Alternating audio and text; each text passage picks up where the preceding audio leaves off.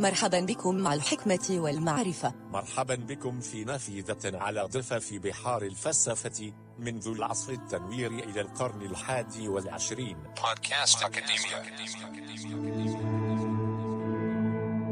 قال صلى الله عليه وسلم الحكمة ضالة المؤمن فحيث وجدها فهو أحق بها. رواه الترمذي. ومن هذا المنطلق النبوي فلقد بدأنا رحلة بودكاست أكاديميا لنسلك سبيلا نلتمس به الحكمة والمعرفة ولأن الفلسفة أصل جميع العلوم وأدوات الاستفهام مفاتيح للبحث عن أصل الحقائق. فلقد بدأنا مسيرتنا التنويرية هذه الفريدة من نوعها في العالم العربي لنجوب من خلالها أعماق بحار الفلسفة ومهارات التنمية البشرية وعلوم التخطيط والإدارة لنستخرج منها أنفس ما قاله الفلاسفة والحكماء والقادة عبر ثقافات وحضارات وأديان مختلفة في الشرق والغرب. وذلك منذ القرن الثامن عشر الميلادي إلى القرن الحادي والعشرين. فسأكون معكم خلال هذه الرحلة الشيقة الممتعة. أتمنى لكم الاستمتاع في استماع هذه اللقاءات وقضاء أفضل وأنفع الأوقات ولكم خالص التحيات. محبكم أحمد اليحيى. Podcast Academia.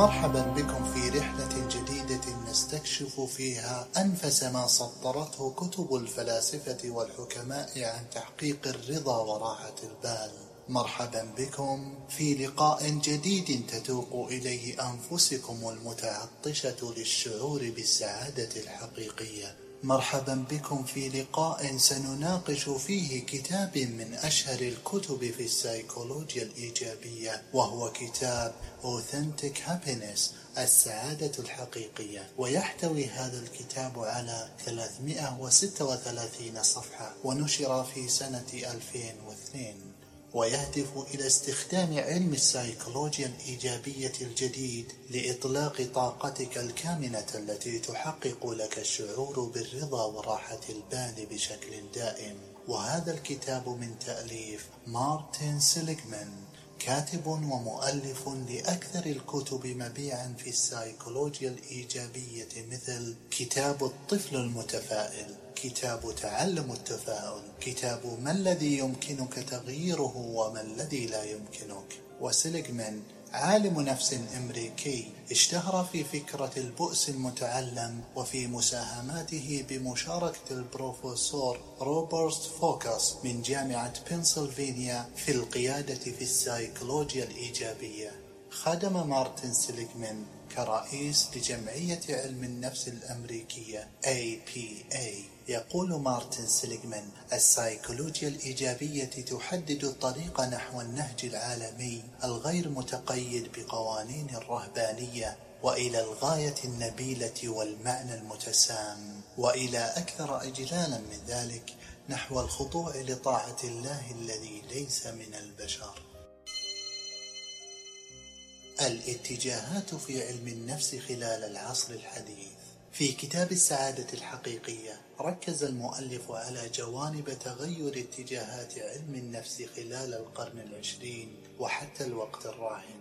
فخلال القرن العشرين كانت الأبحاث في علم النفس تتركز بالمقام الأول على الأمراض العقلية. فمن يتتبع الأبحاث العلمية التي نشرت في تلك الحقبة يلاحظ أن في كل مئة مقال علمي منشور عن الأمراض العقلية يوجد مقال واحد فقط منشور عن صحة العقل. أما في الوقت الحالي فقد أصبح هناك فهم شامل وإدراك للاكتئاب وانفصام الشخصية والعناصر السلبية الأخرى للسلوك البشري بشكل أكبر.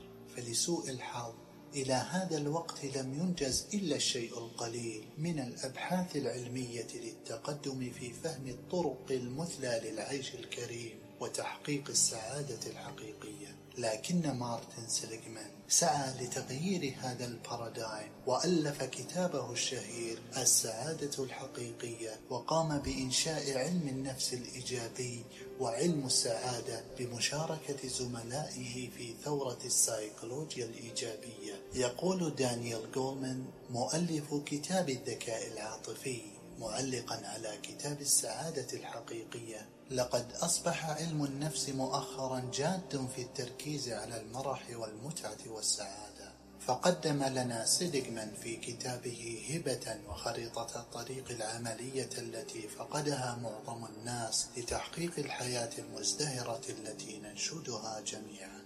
إذا مع أن كثيرا من علماء النفس قد بحثوا العناصر الإيجابية للسلوك البشري فلقد أطلق مارتن سيليغمان سنة 2000 مبادرة جريئة لفهم السعادة والعواطف الإيجابية الأخرى باستخدام أساليب البحث العلمي الحديث. فقد صنف سيليغمان هذا الفرع الجديد من علم النفس بعلم النفس الإيجابي فاستنتج في أبحاثه أنه إذا كان بالإمكان تغيير سلوك أي شخص من سالب تسعة إلى سالب ثلاثة ثم إلى صفر باستخدام الأدوية والعلاج النفسي التي تقدم نتائج جيدة جدا لذلك الغرض. فقد حان الوقت بأن نفهم كيف نغير سلوك أي شخص من صفر إلى موجب ثلاثة ومن ثم إلى موجب تسعة. يقول مارتن سيليغمان معلقا على هذه الدراسة إن اهتمامي الأساسي يتركز في كيفية قياس مقومات السعادة مثل العواطف الإيجابية ونقاط القوة. ومن ثم أخبرك بماذا توصل إليه العلم الحديث في كيفية زيادة معدلات هذه المقومات. إذا إنه لأمر مثير جدا للاهتمام بأن نطلع على هذه الأبحاث العلمية التي أجريت في مثل هذه المواضيع كالوعي الذاتي وهدف السلوك الموجه والإيثار والتعبير بالامتنان والجوانب الإيجابية الأخرى للعيش الأمثل. الفضائل الستة الأساسية المشتركة بين ثقافات شعوب العالم. إن من يبحث في حضارات الأمم والشعوب على مر التاريخ يلاحظ بأن هناك تقارب مذهل بين الثقافات في مفهوم الفضيلة والقوة عبر العصور الماضية. فالفيلسوف كونفوشيوس مؤسس الفلسفة الكونفوشيوسية سنة 500 قبل الميلاد وأرسطو الفيلسوف اليوناني الشهير والفيلسوف الإيطالي توما الأكويني والفلسفة اليابانية في مبادئ الأخلاق بوشيدو ساموراي والكتاب المقدس عند الهندوسية الباها غافات جيتا والتقاليد الأخرى المقدسة جميعها لا تتفق على التفاصيل وإنما تتضمن الفضائل الستة الأساسية التالية. واحد الحكمة والمعرفة. اثنين الشجاعة والبسالة. ثلاثة الحب والإنسانية. أربعة العدالة والمساواة. خمسة الاعتدال وضبط النفس. ستة الروحانية والسمو والرفعة. يقول سليغمان إن التقارب بين الثقافات عبر آلاف السنين وبين التقاليد الفلسفية الأخرى غير ذات الصلة لأمر جدير بالملاحظة لتتخذ السايكولوجيا الإيجابية هذه الموافقة التثاقفية لها دليلا. علم السعادة. بصفة أن مارتن سيليغمان الرئيس السابق لجمعية علم النفس الأمريكية ومؤسس الحركة الثورية لعلم النفس الإيجابي فقد أنشأ مارتن سيليغمان وبمشاركة زملائه علم السعادة. يقول مارتن سيليغمان السعادة والرفاهية هما النتائج المرجوة من علم النفس الإيجابي. ويقول سيليغمان أيضا إن تحقيق السعادة الحقيقية والعيش في حياة طيبة يكمن في المضي في استخدام نقاط القوة المميزة لشخصيتك في الجوانب الأساسية للحياة بشكل دائم. فالحياة التي تتسم بأنها حياة ذات معنى هي التي تستخدم نفس نقاط القوة لتعزيز المعرفة والقوة والخير حيث تضيف عنصرا إضافي آخر لأنها زاخرة بالمعاني. وعندما نجسد ذلك مع الإيمان بالله فكأنما أصبحت حياتنا مقدسة وجديرة بالإجلال. انتهى كلام المؤلف. وفي موضع آخر في كتاب السعادة الحقيقية أشار المؤلف بأنه قد وضع مجموعة من 24 صنف لنقاط القوة الشخصية المميزة حيث يقول سليجمان إن الجميع لديه جوانب مختلفة من هذه النقاط في شخصيته فقد أثبت العلم لنا أنه كلما عرفنا بالتحديد ما هي نقاط القوة التي تميز شخصياتنا من هذه المجموعة لنستخدمها في حياتنا اليومية فإن سعادتنا ورفاهيتنا ستسموان وترتفعان.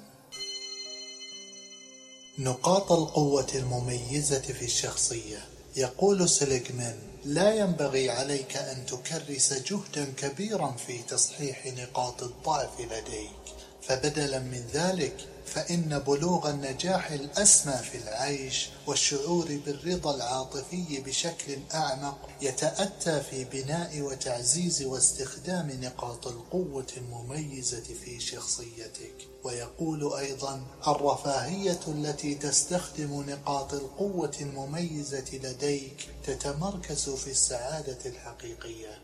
إذا فهذه هي النقطة الأساسية التي ركز عليها سيليغمان في كتابه وهي بأن نركز معظم وقتنا على تعزيز واستخدام نقاط القوة الفريدة في شخصياتنا. هناك كتاب آخر يعتبر من أفضل الكتب في موضوع علم السعادة وهو كتاب ألفه الباحث الرائع روبرت ستنبرغ بعنوان Successful Intelligence الذكاء الناجح. تحدث فيه عن هذا المفهوم وهو بأن نركز معظم وقتنا على نقاط القوة المميزة في شخصياتنا. فيقول لا ينبغي علينا أن نهدر وقتا طويلا في التركيز على نقاط الضعف لدينا. في الكتاب ذكر أن أبحاثه خلصت إلى أن الأشخاص الأكثر ذكاء بيننا ليسوا هؤلاء الذين لديهم معدلات عليا في ال IQ أو ال SAT أو معدلات تراكمية أكاديمية عليا في الجامعة وإنما الأشخاص الأذكياء بيننا على الأرجح هم الذين يعرفون من هم. وما نقاط القوة التي يتميزون بها ليمارسونها في حياتهم اليومية؟ فهم لا ينفقون إلا وقتا قليلا للتأكد من أن نقاط الضعف لديهم لا تعيقهم في متابعة تحقيق نجاحاتهم. أما معظم الوقت يكرسونه في تطوير واستخدام نقاط القوة لديهم. ما هو المقصود بالحياة الطيبة برأي المؤلف؟ وما الفرق بين الحياة الطيبة والحياة الجميلة؟ ما الحياة الطيبة؟ بإمكانك أن تجد الحياة الطيبة باتباع مسار بسيط. فالحياة الجميلة في نظر معظم الناس هي بأن تتملك سكنا وتقود سيارة فارهة. لكن هذه الحياة ليست الحياة الطيبة. فالحياة الطيبة تكون على الأرجح في استخدام نقاط القوة المميزة لديك لتحصل على السعادة الحقيقية والرضا والبهجة الوافرة. تمرين لكشف نقاط القوة الشخصية المميزة لديك. حدد وقتا ومكانا مناسبا لتعمل هذا التمرين. عند ذلك اسأل نفسك ما هي نقاط القوة العظمى لديك؟ ولكي تجيب على هذا السؤال اكتب نقاط القوة العظمى هي واحد اثنان ثلاثة أربعة خمسة. ثم اكتب وصفا لكل واحدة من هذه النقاط. فعلى سبيل المثال نقاط القوة لدي هي واحد الإبداع. أستمتع بإيجاد حلول إبداعية للمشاكل. اثنين الأمل والفعل. دائما ما أنظر إلى الجانب الإيجابي في كل موقف وأتوقع النتائج الإيجابية. ثلاثة الشجاعة والبسالة. أزدهر وأنجح في تحقيق أهدافي عندما أدفع نفسي للأمام. أربعة اللطف والكرم أشعر بالسعادة الغامرة في مساعدة الآخرين. خمسة الطاقة والحماس. عندما أقدم إلى إنجاز عمل ما أشعر بالحماس والطاقة. ستة الحكمة. أحب تفهم الحياة ونظر الناس نحوي في هذا المنظور. أوصاف المهمة. يقول سيليغمان إذا كان بالإمكان إيجاد طريقة لاستخدام نقاط القوة الشخصية المميزة لديك خلال أداء العمل في أغلب الأحيان وترى أنك تعمل هذا العمل بإخلاص لأجل المصلحة العامة فإن لديك دافع داخلي لإنجاز المهمة. يقول ألبرت أينشتاين بمنظور الحياة اليومية هناك شيء واحد نعرفه وهو أننا هنا لمصلحة بعضنا البعض. فبادئ الأمر لهؤلاء الذين يبتسمون لنا لأجل إسعادنا ورفاهيتنا ومن أجل الأرواح الغير معروفة التي لا تحصى الذين نشترك معهم بالقدر ومرتبطون فيما بيننا بروابط التعاطف مرات عدة خلال اليوم. عرفت كم مرة بنيت حياتي الداخلية والخارجية استنادا على عمل زملائي منهم من مات ومنهم لا يزال على قيد الحياة. وكيف يجب علي بجد أن أكرس جهدي فأرد لهم الجميل بقدر ما قدموا لي. المؤلف سيليغمان تحدث عن ثلاثة أصناف للتوجه العملي العمل المهنة والمهمة فيقول العمل بأن يكون لديك مجرد عمل تذهب إليه بدافع الأجر. فمثلا تضبط المنبه ومن ثم تستيقظ وتذهب للعمل وأخيرا تقبض الراتب في نهاية الأمر. وهكذا هي حياتك العملية. أما المهنة بأن تكون لديك المهنة التي يمكنك من خلالها الاستمتاع بفوائد التقدم والتفوق والبراعة في المجال الذي تحب. أما المهمة بأن يكون لديك دافع داخلي للقيام بالمهمة وشعور متقد بالحماس للالتزام بإنجاز المهمة للمصلحة العامة. إذا هنا بيت القصيد. أي عمل بإمكانه أن يكون مهمة ذات دافع داخلي لإنجازها للمصلحة العامة؟ وأي مهمة يمكن أن تكون عملا؟ فمثلا الطبيب الذي يرى عمله مجرد وظيفة وبكل بساطة دافعه بأن يقبض دخلا جيدا ليس لديه شعور داخلي يدفعه للقيام بالمهمة. بينما جامع النفايات الذي يرى عمله يساهم في جعل العالم أكثر نظافة ومكانا أكثر صحة من الممكن أن يكون لديه شعور بالمهمة. ماذا بالنسبة لك؟ بماذا تنظر إلى عملك؟ فإذا كنت تراه بأنه مهمة فهذا أمر رائع أما إذا كنت تشعر بأن عملك مجرد وظيفة أو مهنة بمقابل مادي أكثر من أنه مهمة ذات دافع داخلي لخدمة الآخرين فلا تقلق إذا دعنا نرى ماذا يجب علينا أن نفعله لنرجح كفة المهمة والشعور بدافع داخلي لخدمة الآخرين. ابدأ بتحديد أهم نقاط القوة المميزة لشخصيتك. بعد ذلك اكتب وصفا للمهمة لكل نقطة قوة لديك. فعلى سبيل المثال نقاط القوة بالنسبة لي واحد أستخدم إبداعي كل يوم في كتاباتي وفي إنجازي لعملي وخلال إنجاز العمل أشعر بالمتعة في التفكير في طرق جديدة ومبتكرة لتحقيق أهدافي مع تجسيد الحب المثالي والمتعة والهدف المادي أو المعنوي الذي أصبو إليه. اثنين أستخدم الفأل والأمل في كل يوم عندما أنوي في اتخاذ قرار أو إنجاز عمل ما.